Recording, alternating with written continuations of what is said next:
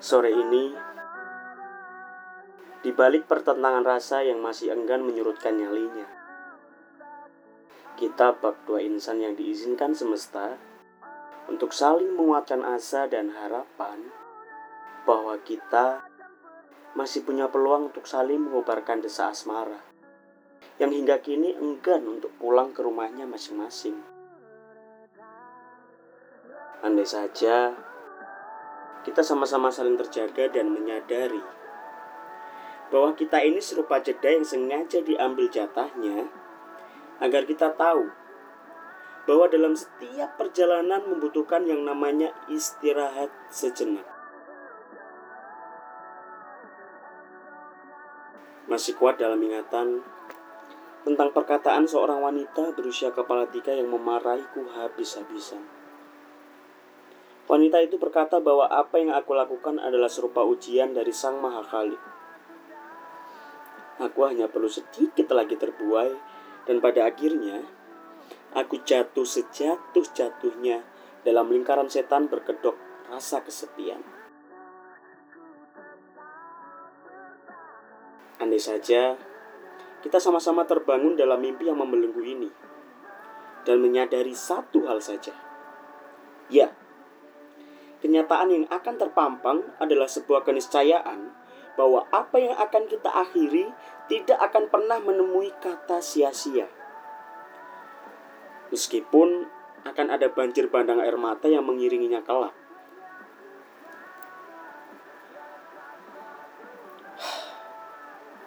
Istana yang susah payah kita bangun ratusan hari ke belakang tidak lebih dari sebuah kesalahan konstruksi karena keseluruhannya dibuat dari bahan bangunan berupa kesalahan yang dicampur dengan adukan kemunafikan dan dibangun di atas tanah kemustahilan. Semua hanya akan berakhir roboh tak berbekas.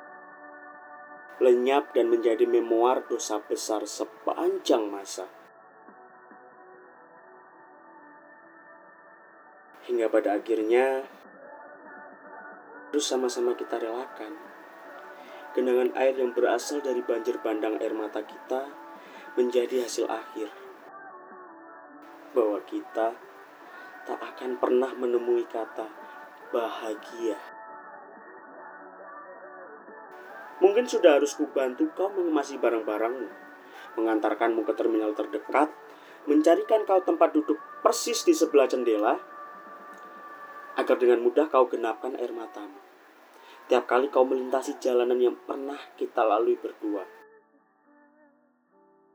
Dan aku hanya akan menunggumu di luar sambil melambaikan tanda-tanda perpisahan. Kau, iya, tak perlu susah payah menyambut hari esok yang bukan lagi milik kita. Sebab yang akan terjadi hanyalah sekumpulan sakit yang lama-lama akan membusuk dan menggumpal setinggi bukit. Aku yang akan menjelang hari-hari yang lebih menenangkan dan memastikan kita bahagia di belahan dunia kita masing-masing. Kau dengan takdir yang dipilihkan Tuhan untukmu, dan aku dengan segala upaya yang telah kususun jauh sebelum aku mengenalmu.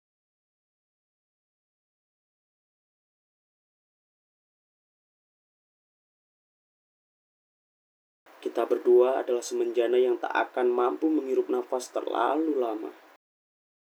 Sebab sari-sari kehidupan yang kita butuhkan bukan lagi tersemat sebagai satu kesatuan, melainkan hidup di rumah kita masing-masing.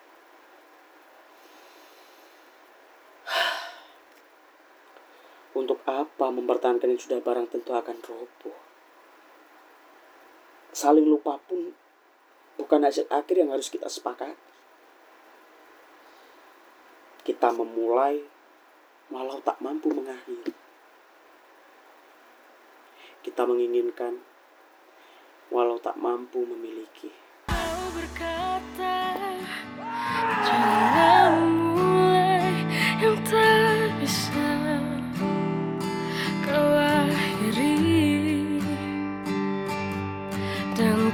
berkata Jangan